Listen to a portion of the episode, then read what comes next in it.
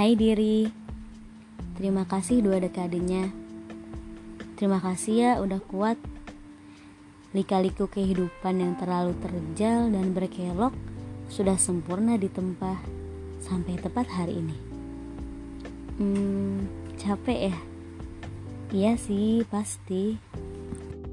Apalagi dengan segala realita yang jauh berbeda dengan target yang diimpikan dan ekspektasi yang dia idam-idamkan.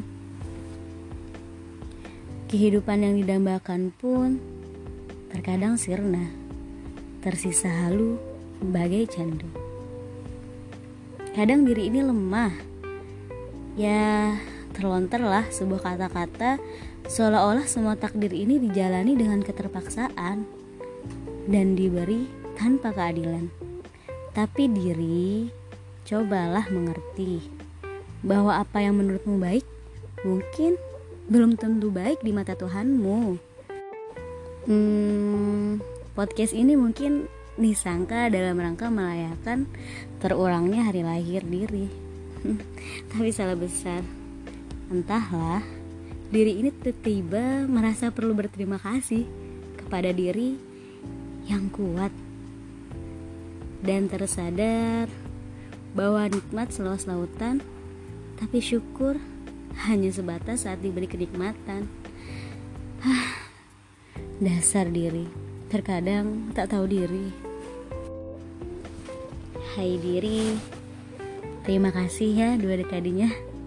Begitu banyak tanah tajam yang menghujani, tapi bibir ini masih simetris menyunggingkan senyumnya. Walau tak jarang, lingkar senyum hanyalah sebuah palsuan. Kuat-kuat ya, jalan juang masih panjang loh. Kan gak lucu berhenti di tengah jalan. Ya nggak? Apa? Takut gagal? Jangan. Semua punya jatah gagalnya masing-masing. Semakin cepat jatah gagal dihabisin maka semakin cepat juga suksesnya. Ya nggak sih wahai diri?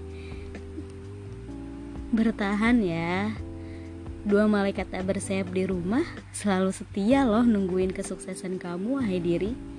Tega bikin beliau berdua nangis sedih bukan nangis bahagia. Pokoknya semangat banget buat diri. Terkadang memang motivasi terkuat ada pada diri sendiri. Ehm, jadi apa salahnya nyemangatin diri sendiri